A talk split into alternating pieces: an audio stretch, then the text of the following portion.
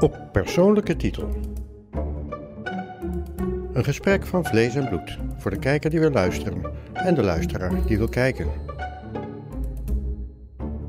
Kijk en luister naar Mohammed Mohandis van de PVDA. Mensen kennen je misschien helemaal niet. Oh ja, dat is maar net wie je vraagt. Ja, Ja, Kamerlid, maar niet één waar heel veel ophef over is. Nee, gelukkig niet.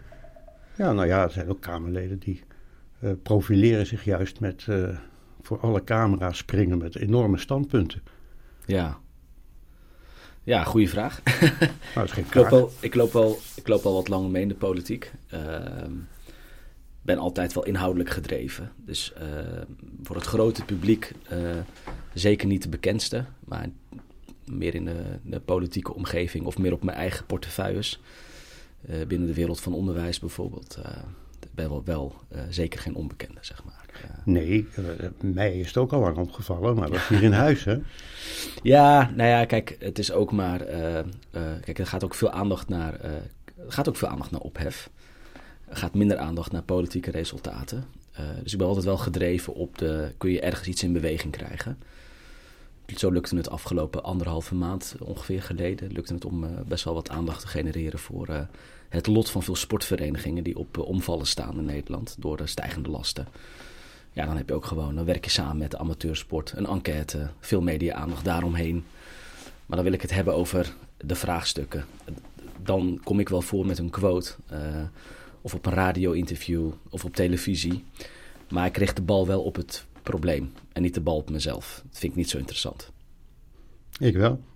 Ja, snap ik. Nou ja, maar zo zie- Ja, ik, ik ben, ben al best wel lang actief in de politiek. Eh, zoals je weet, eh, het is mijn Tweede Kamerperiode. Ja, je bent ingevallen nu omdat Lilianne Ploem Ja. vertrok. Ja, ik ben in principe voor Lilianne Ploemen eh, in de Kamer gekomen. Ja, Eh, opnieuw, hè, in de Kamer gekomen. Er zeker, zeker. Ik zat al in de Kamer tussen eh, 2012 en 17. Toen was ik onderwijswoordvoerder. En nu doe ik eh, vooral eh, langdurige zorg, sport, cultuur, media en preventie. Nou, een brede, best wel een brede portefeuille. Nou, het zijn gewoon veel portefeuilles. Zeker. En dat houdt je ook wel van de straat in die zin. Al kom ik van de straat, hè, dus ik, ik probeer ook wel, ja, het grootste eh, probleem, of probleem wat ik, waar ik wel eens mee worstel, is dat je, je kan geleefd worden in dit, in dit beroep.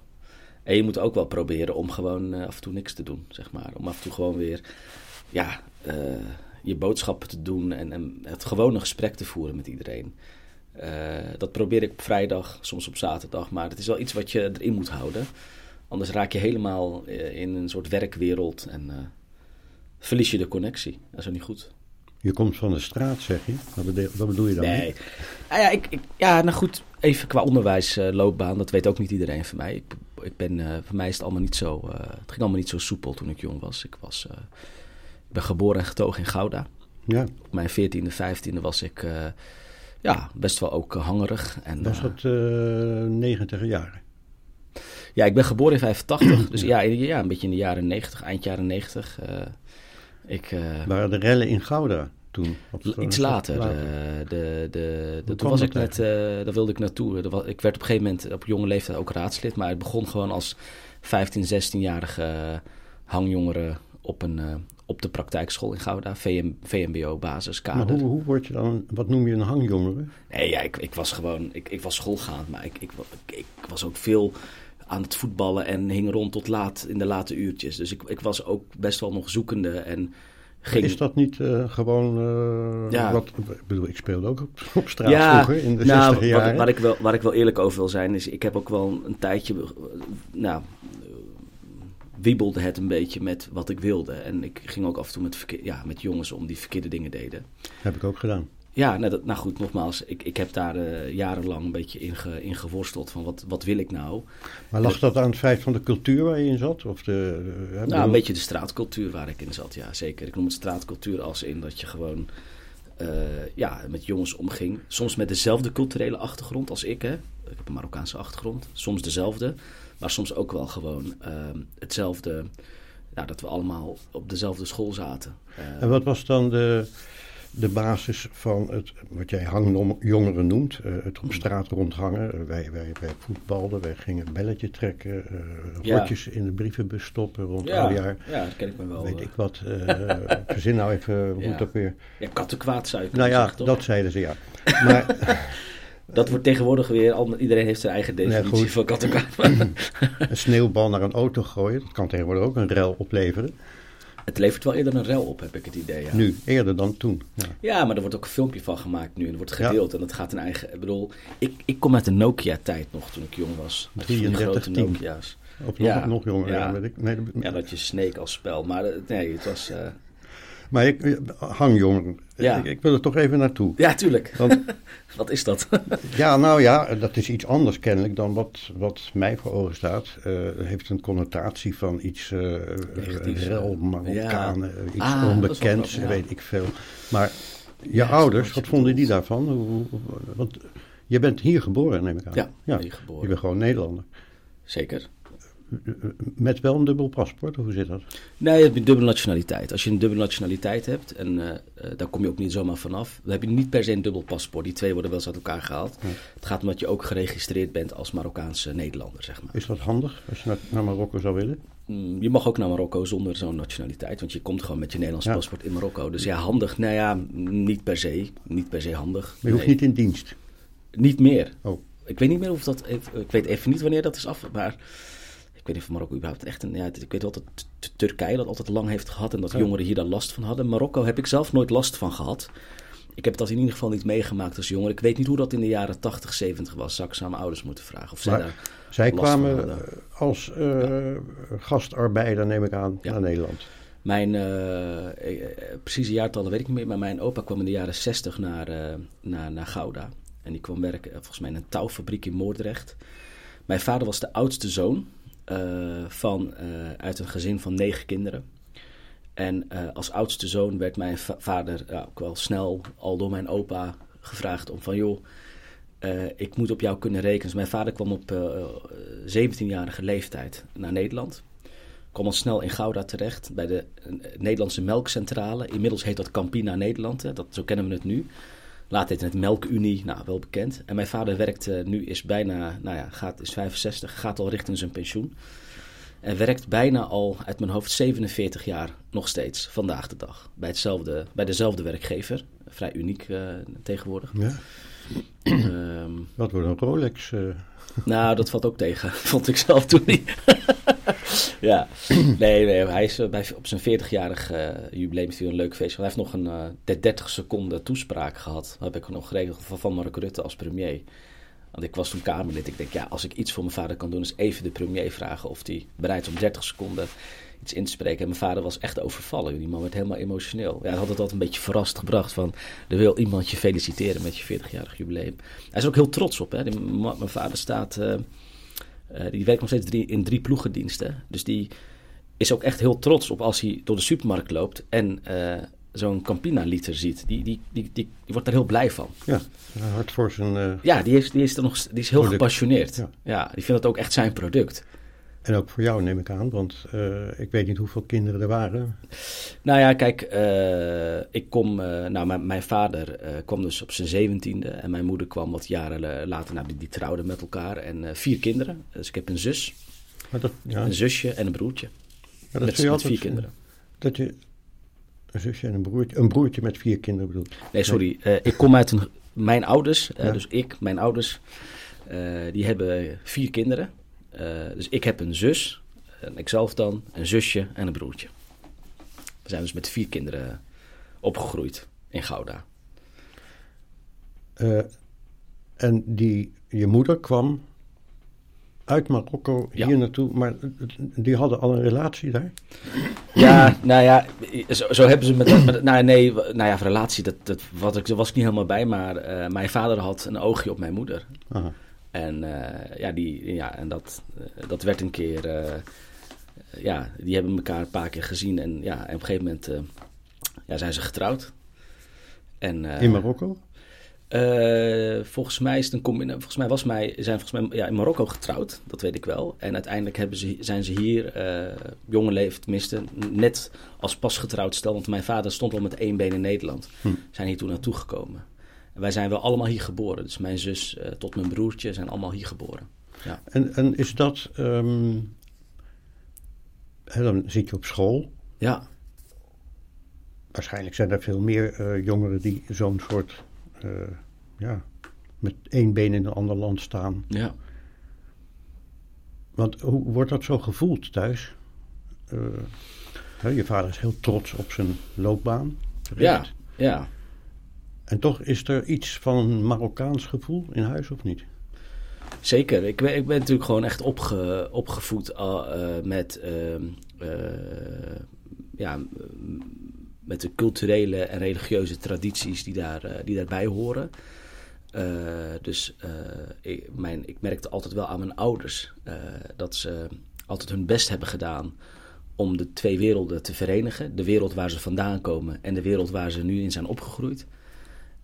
Nou, ik ben, vooral, ik ben vooral bekend met de wereld waar ik in ben opgegroeid en geboren, hier in Nederland.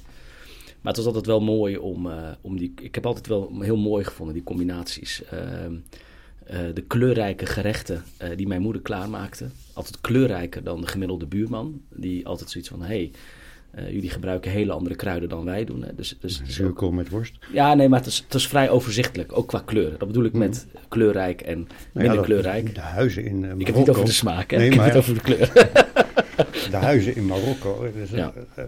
die woestijnkleuren... Het is een oase, hè? Het is, ja. afgezien van even anders. armoede en andere Nou, anders ze weten wel wat uh, kleuren, uh, Portugezen die dat overgenomen hebben. Deels, ja. Het is ook Marokko is wel bijzonder qua waar je komt. Hè. Het, het noorden, het Rifgebied, daar heb je meer architectuur die wat meer spiegelt aan Andalusië. De, de Zuid-Spaanse kust, hè, van Almeria tot aan Tarifa, zeg maar. Die hele kust er ook. Maar als je bijvoorbeeld te zuidelijker komt in Marokko, midden Marokko, Fes, Meknes en dan richting Marrakesh dan kom je wat meer in de, ja, wat ik zelf de, wat meer de, Arabisch, de, de, zeg maar de Arabische kant van Marokko noem. De, de, ook qua architectuur, maar ook qua eten al. Hè. Dus Marokko is wel echt een mix van uh, uh, verschillende soorten mensen, nou, stammen en, en afkomsten. Stammen, ja. En, en ja, Berbers sprekend, uh, Rifijns sprekend, ja. so, de, de Soes, de Atlas. Nou, het is echt, echt best wel, ja... Dat moet je ergeren. Dat mensen dat niet weten, hè? Nou, dat is veel onbekend. Ja, er is heel veel onbekend. Mensen gaan vaak af op wat ze horen van elkaar. En gaan minder zelf op onderzoek uit, helaas. Nou, het heeft ook een beetje met onderwijs te maken, ook jouw portefeuille. Maar Zeker. dat terzijde.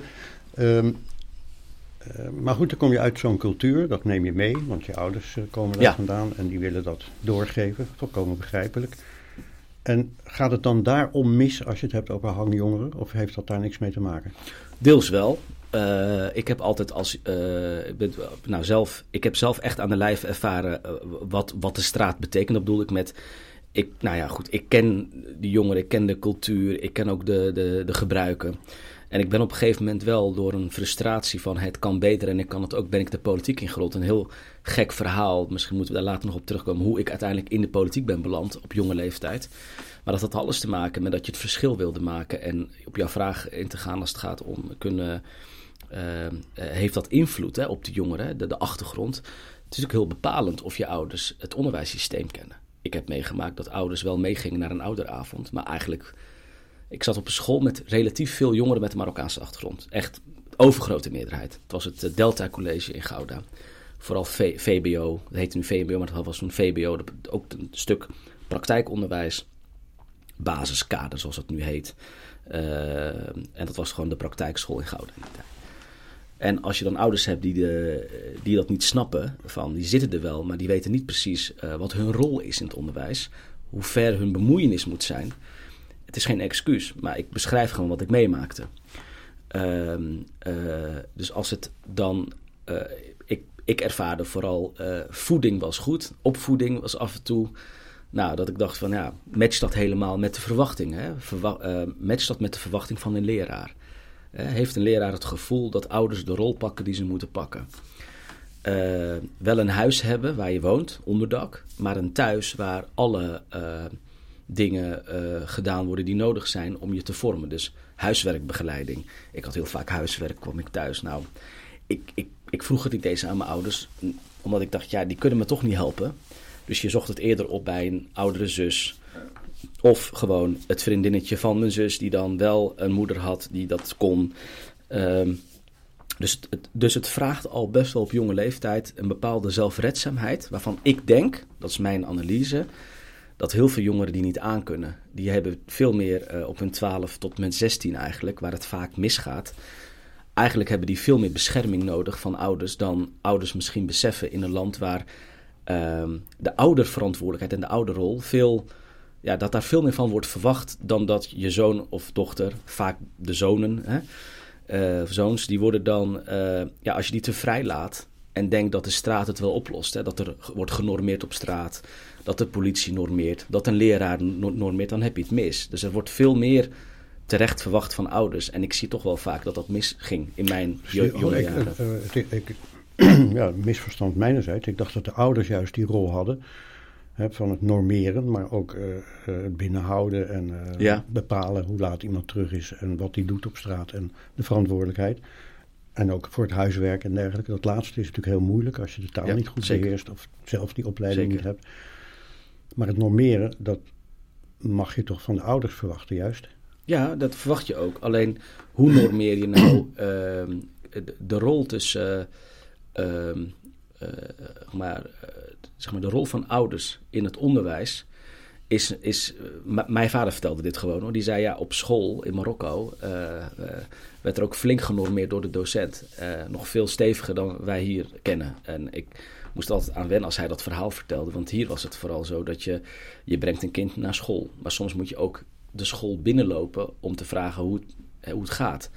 Ehm, de, dus die oude betrokkenheid en de rol die ouders hebben uh, die gaat veel verder. En ik merkte gewoon soms niet dat ouders niet normerend waren, maar vaak niet wisten wat hun rol precies moest zijn om goed aansluiting te hebben op alles wat een jongere dagelijks tegenkomt op school, op straat en, enzovoort. Dat is in ieder geval wat, hoe, hoe, hoe ik het heb beleefd. Dat, dat, dat ouders wel die rol wilden pakken, of soms gewoon het niet wisten, of het moeilijk vonden, of het verkeerd deden. Dat ze dachten, ja, ik pak mijn normerende rol wel, maar die is niet effectief. Hoe kan dat nou? Waar, waar gaat het dan mis? Ja, het is heel moeilijk normeren, om het... het is opvoeden. Ja, opvoeden, normeren, uh, ja, ja. Normen bijbrengen. Normen bijbrengen. Ja, maar dat zit toch in die Marokkaanse cultuur al? Die is behoorlijk streng. Ja, zeker, zeker. Maar de vraag is, uh, streng wil niet zeggen dat het ook effectief is om een kind dan op een slimme manier, om, om, om hem ook ja, van de straat te houden. Om hem ook um, aan een diploma te krijgen en niet op het verkeerde pad te hebben. Dus ook uh, daarmee, is dus niet, uh, daarmee is het nog niet effectief, zeg maar. Wat je eigenlijk, een grote klacht die je, die je hebt is, of klacht. Veel ouders uit die tijd zijn niet opgewassen en niet genoeg bekend met het Nederlandse systeem, onderwijs, hoe het hier werkt, de vrijheid.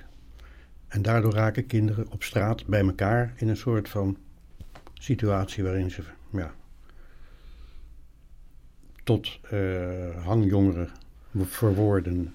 Ja. nou ja. Maar ze kunnen ook, hè, want er zijn voorbeelden genoeg trouwens, je zit ook tegenover me, van mensen die zeggen, ja, ik wil juist verder komen. Nee, uh, uh, nogal. En, het wordt ook gezien als door de, door de autochtone Nederlanders, zou ik maar zeggen, die ook weinig begrip van Marokko heeft en Marokkaanse opvoeding en allemaal ook net zo ma makkelijk niks van weten.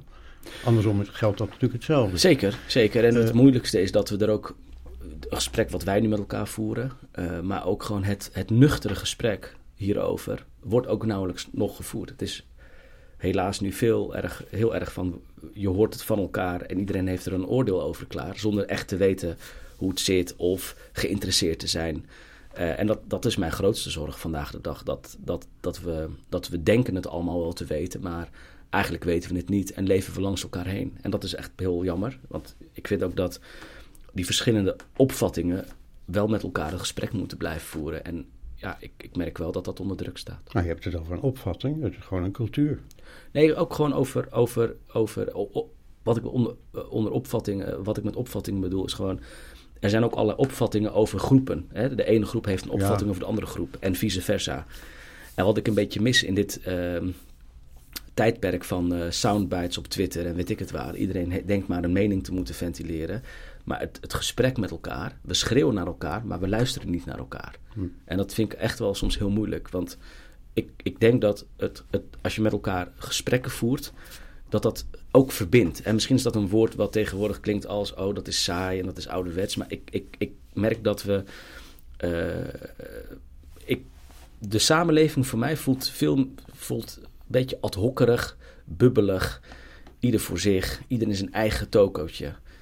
Ja, en ik vind gewoon dat mijn kinderen en die van jou, bij wijze van spreken, ook elkaar moeten ontmoeten, met elkaar kunnen, moeten kunnen praten van elkaar mogen verschillen. Dat mag. Maar wel, wel oog hebben voor elkaar als mens, als medemens. En dat je met elkaar hier in Nederland staat voor bepaalde verworvenheid. Omdat je ook trots bent om hier ja, het beste te maken van je leven. En, en, en ja, als iedereen over elkaar praat, tegen elkaar schreeuwt, vanuit een ogen toko redeneert, vooral medestanders ziet in de eigen toko. En waardoor ze nog denken dat ze gesterkt worden in hun opvatting, zonder dat ze uh, nou ja, andere groepen bereiken die je eigenlijk zou willen bereiken met, deze met je eigen boodschap.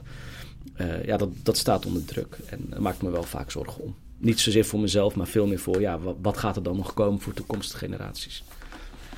Ja, uiteindelijk, ik geloof dat onze premier het had over invechten.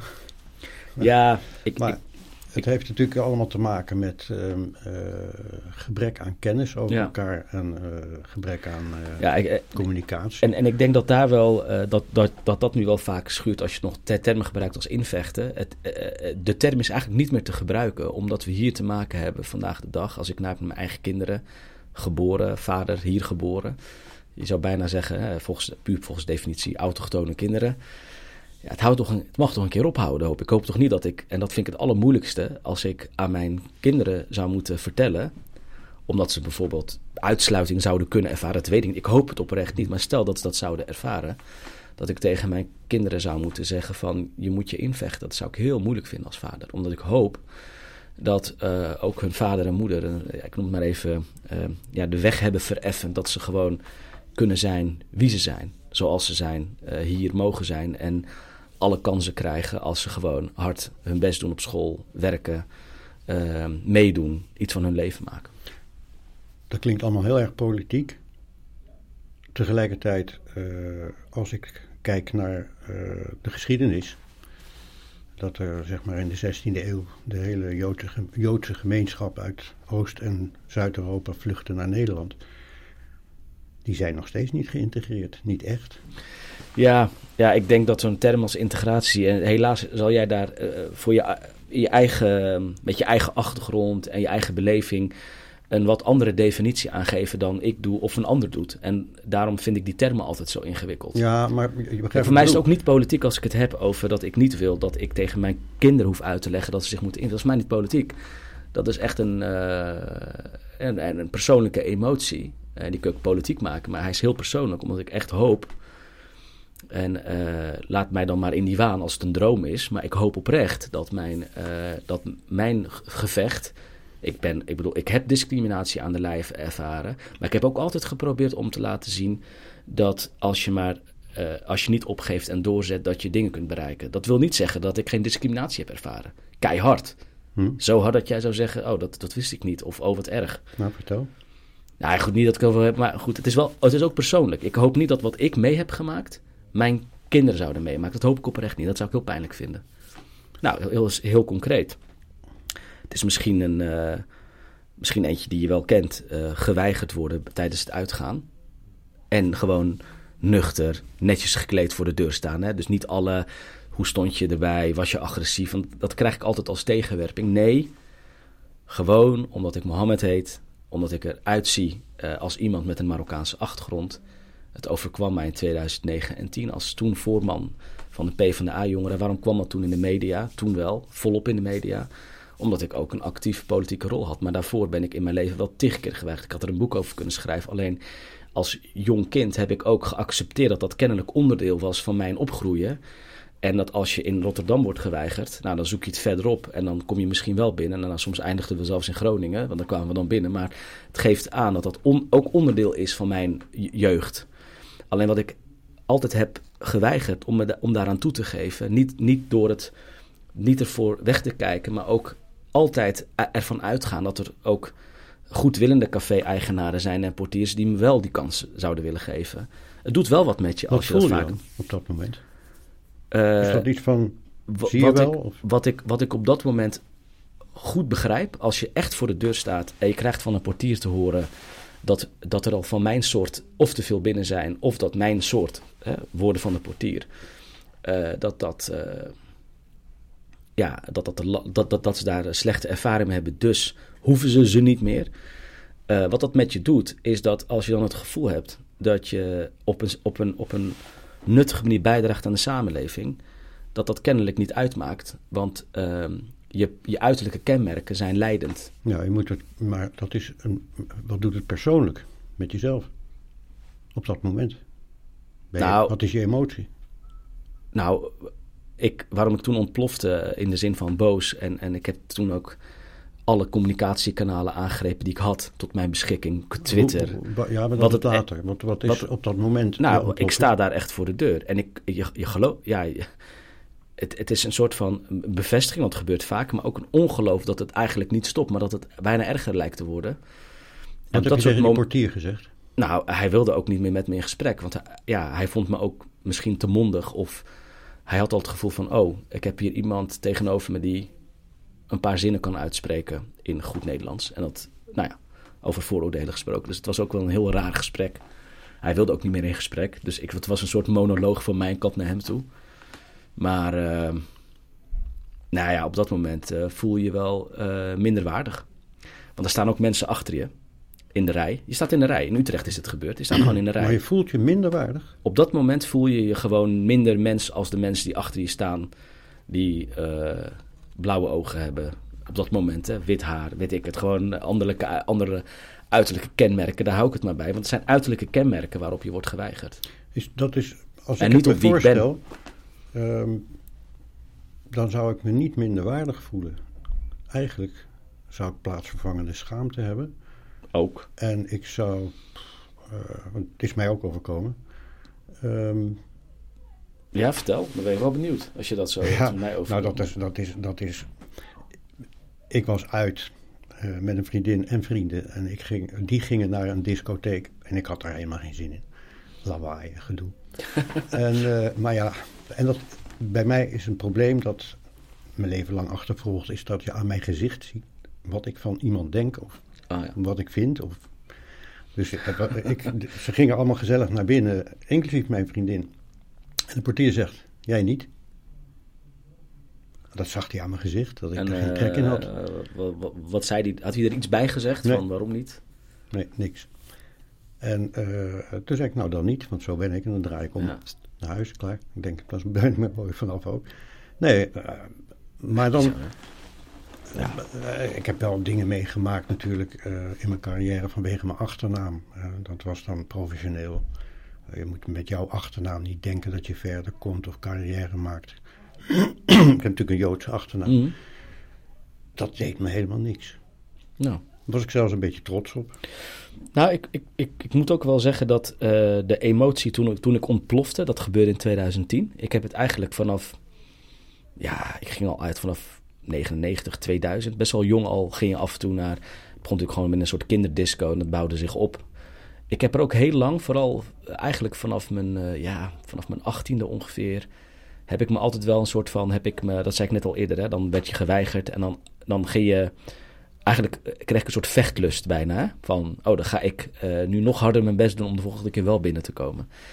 Dat heb ik echt ik weet niet hoe lang, maar best wel lang volgehouden. hoe vijf, ga je dat dan doen? Vijf jaar of zo. Nee, maar gewoon door naar een andere club te gaan. Oh, En dan toch na te denken van, hé, hey, zijn we niet met vier jongens... Of zo? Nee, nee, nee, maar goed, misschien, nou, maar goed, gingen we, gingen we ook met, uh, met meiden. Dus dat je, zeg maar, uh, niet te veel jongens... Hmm. Je ging van alles proberen. Ging je toch naar je schoenen kijken. Van, nou, uh, Nike Max, sportief, misschien toch netjes. Je, echt, je wil niet weten. En het was ook gewoon geluk. Soms gingen we heel vroeg. Dat was eigenlijk het meest sneu. Daar kan ik achteraf om lachen. Dan ging je bijna de disco openen.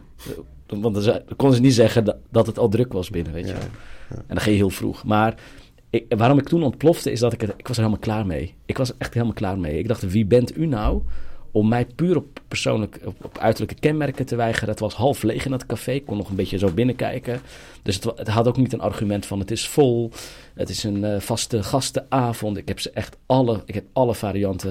Ik ben wel actief uitgaansjongen geweest. Uh, gewoon, omdat ik op jonge leeftijd elke weekend uh, waren we met vrienden gewoon op stap. Maar ja, dat, dat, dat, dat draag je met je mee. En, en waarom, waarom we op dit verhaal zijn gekomen over dat ik gediscrimineerd werd tijdens het uitgaan. Dat had dus net te maken met dat ik zei dat ik hoop dat mijn kinderen het anders gaan meemaken dan ik heb meegemaakt. En soms ben ik bang dat, ze, dat we niet zijn opgeschoten en dat, ze, dat er nog steeds uh, uh, gestoorde gekken rondlopen die puur op uiterlijke kenmerken. En ik weet dat ze er rondlopen, maar dat ze nog. Ja, dat dat.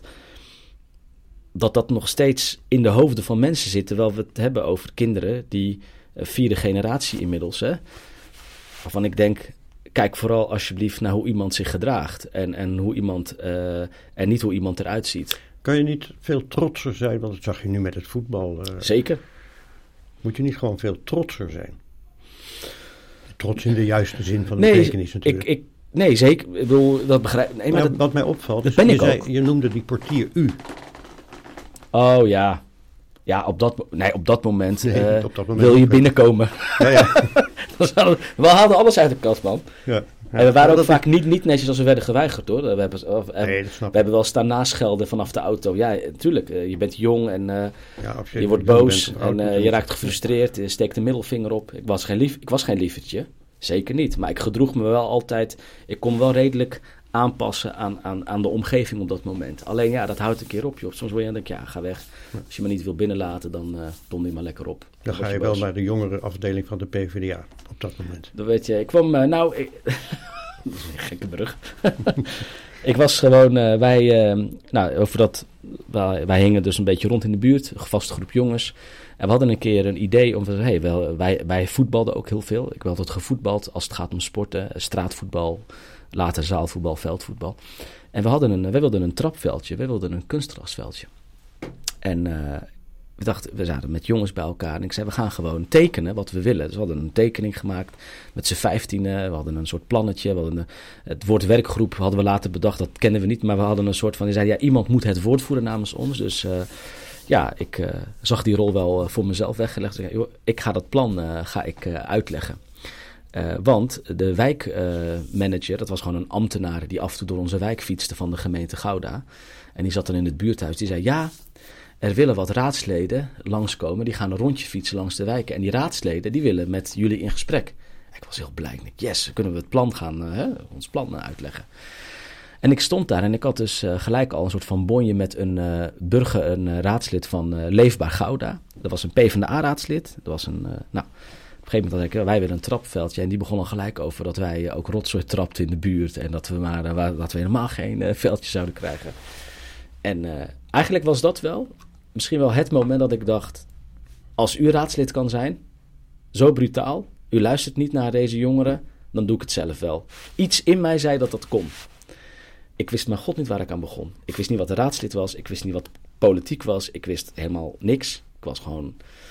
Ja, en toen eh, dacht ik... hé, hey, ik, eh, ik vind het best wel leuk om namens deze jongeren op te komen voor een voorziening. Zo begon het eigenlijk. En toen kwam ik af en toe in andere buurthuizen... om eens te kijken wat daar allemaal gebeurde. En toen raakte ik vaker in gesprek met eh, Frank van der Knaap... PvdA-raadslid toen. En eigenlijk vert- overtuigde hij mij van... joh, je moet gewoon lid worden van een jongerenpartij. Dan kun je je mening uiten. Ik zeg, meen je dat nou? Ik zeg, nou ja, is goed. 10 euro per jaar. Ik werd lid op mijn 17e, 18e van de Jonge Socialisten. Je zou bijna zeggen, de rest is geschiedenis. Maar eh, ja, toen begon het. En eh, toen ben ik heel politiek actief geworden in de gemeenteraad van Gouda. Op jonge leeftijd. Als eerste raadslid met een Marokkaanse achtergrond toen. Als 26-jarige toen in de Kamer gekomen. Voorman geweest van de PvdA-jongeren. Dus ooit gaan rollen. Maar ja, eigenlijk wel vanuit een drive van... eh, ja, ik kan het ook. Ik ga het zelf doen. We hebben ideeën en eh, waarom, zou ik dat, eh, waarom, waarom zou ik zelf niet naar voren stappen? En voor je kinderen. Zeker, altijd een drive geweest. Eh die kwamen natuurlijk later, de kinderen. En Heb je zelf een Marokkaanse vrouw? tenminste, eh, ja, dan krijg je weer het Nederlandse met een Marokkaanse achtergrond. Wat je zei zelf net ook, je Ja. bent gewoon Nederlander. hè? Je begrijpt wat ik bedoel. Uh, dus die is hier ook gewoon, uh, die heeft hier, uh, is hier naar school gegaan, hier gestudeerd. En als dat niet zo was, was dat ook prima geweest hoor. Maar ja, en we hebben drie, drie kindjes. Ja. Gefeliciteerd. Ja, ja van 9, 7 en 4. Ja, het is, het, is, het is prachtig. Het is ook wel, je gaat ook anders. toen ik in de Kamer kwam, had ik geen kinderen in 2012 en nu wel. En je relativeert wel meer en je focust iets meer op waar, wat kan echt impact hebben en uh, wat laat je eerder lopen. Ja, het is voornamelijk, uh, ja, je hebt nu heel veel portefeuilles. Ook dat. Ook media dat. ook. Ja. Ja, media. Ja. Jullie, oh. willen, jullie willen een omroep verbieden. Ik wil het eruit gooien uit het bestel. nee, daar zit wel.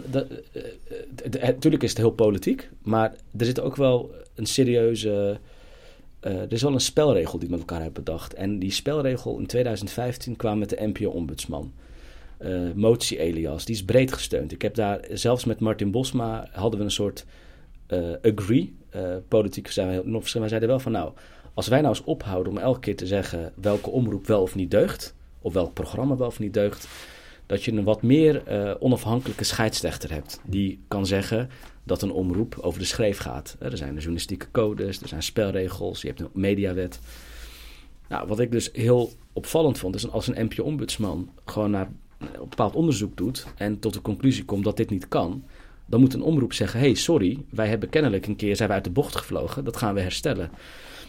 Ik vind dat deze omroep zich echt gedraagt alsof ze denken dat alles mag, onder het mom van vrijheid van meningsuiting, wel gewoon een mediawet hebben. En ik vind echt dat als je spelregels niet naleeft, dan krijg je geen belastinggeld. Dat geldt voor iedereen. Als BNN-Vara rare dingen doet, uh, stel, dat, stel dat de NPO-ombudsman uh, eh, BNN-Vara, net als Ongehoord Nederland, twee keer een sanctie zou opleggen, dan is het ook gewoon einde oefening. Dus ik zit er echt hard in, omdat ik echt vind dat als wij niet uh, streng zijn op als iemand uit de bocht vliegt, ja, dan kun je die hele NPO-ombudsman opheffen en de hele mediawet opheffen. En dan houdt het ook gewoon op. Dan is er ook gewoon niks. Zie je die portier weer voor je?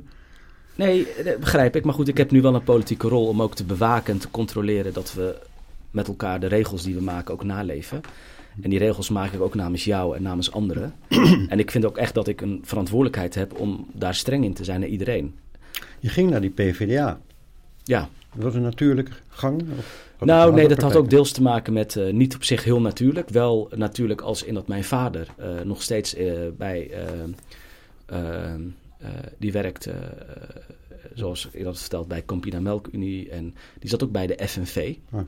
En die stemde toen al op Joop den Uil en later op Kok. Dus ik ben wel een soort thuis opgegroeid met de roos en uh, het activisme van de vakbond. Mijn vader is nog steeds FNV-man, dus die is echt wel... Ik zeg, kan er ook wel heel open en uh, laten we dat een open... Het is een open gesprek hè, en een eerlijk gesprek dat mijn vader ook heel kritisch is op de Partij van de Arbeid. Dat houdt mij ook weer vaak heel scherp. Ook wel van, hé, hey, uh, laten we wel bij de thema's blijven... Waar mens, waarvan mensen het gevoel hebben dat de overheid hen te veel loslaat. Dat, dat de, de, de bestaanszekerheid uh, bestaansonzekerheid wordt en dat de PvdA daarin voorop moet blijven lopen. Dat vind ik een grote opgave, ook niet makkelijk. En mijn vader is wel heel kritisch. En als, die, was hier, die was hier ook bij de beëdiging uh, in juni. Nou, die laat het ook niet. Uh, die laat het ook gewoon merken. Ook hij heeft Joop den L meegemaakt. Ja. Ik ook trouwens. Ja. Letterlijk, hier, ja. nou, nou, in het andere gebouw. Ja. In de oude zaal, die was toen nog in ja. gebruik. En ik uh, deed toen een studie fotovakschool. En ik maakte foto's van Joop den Uyl en Hans Wiegel in de oude zaal.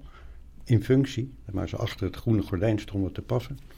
En later liep hij vaak naar het katshuis en langs mijn huis dus. En met een tackle of een hond. En zijn plantje staat nog op de fractie bij jullie. Ja. Die leeft nog. Ja.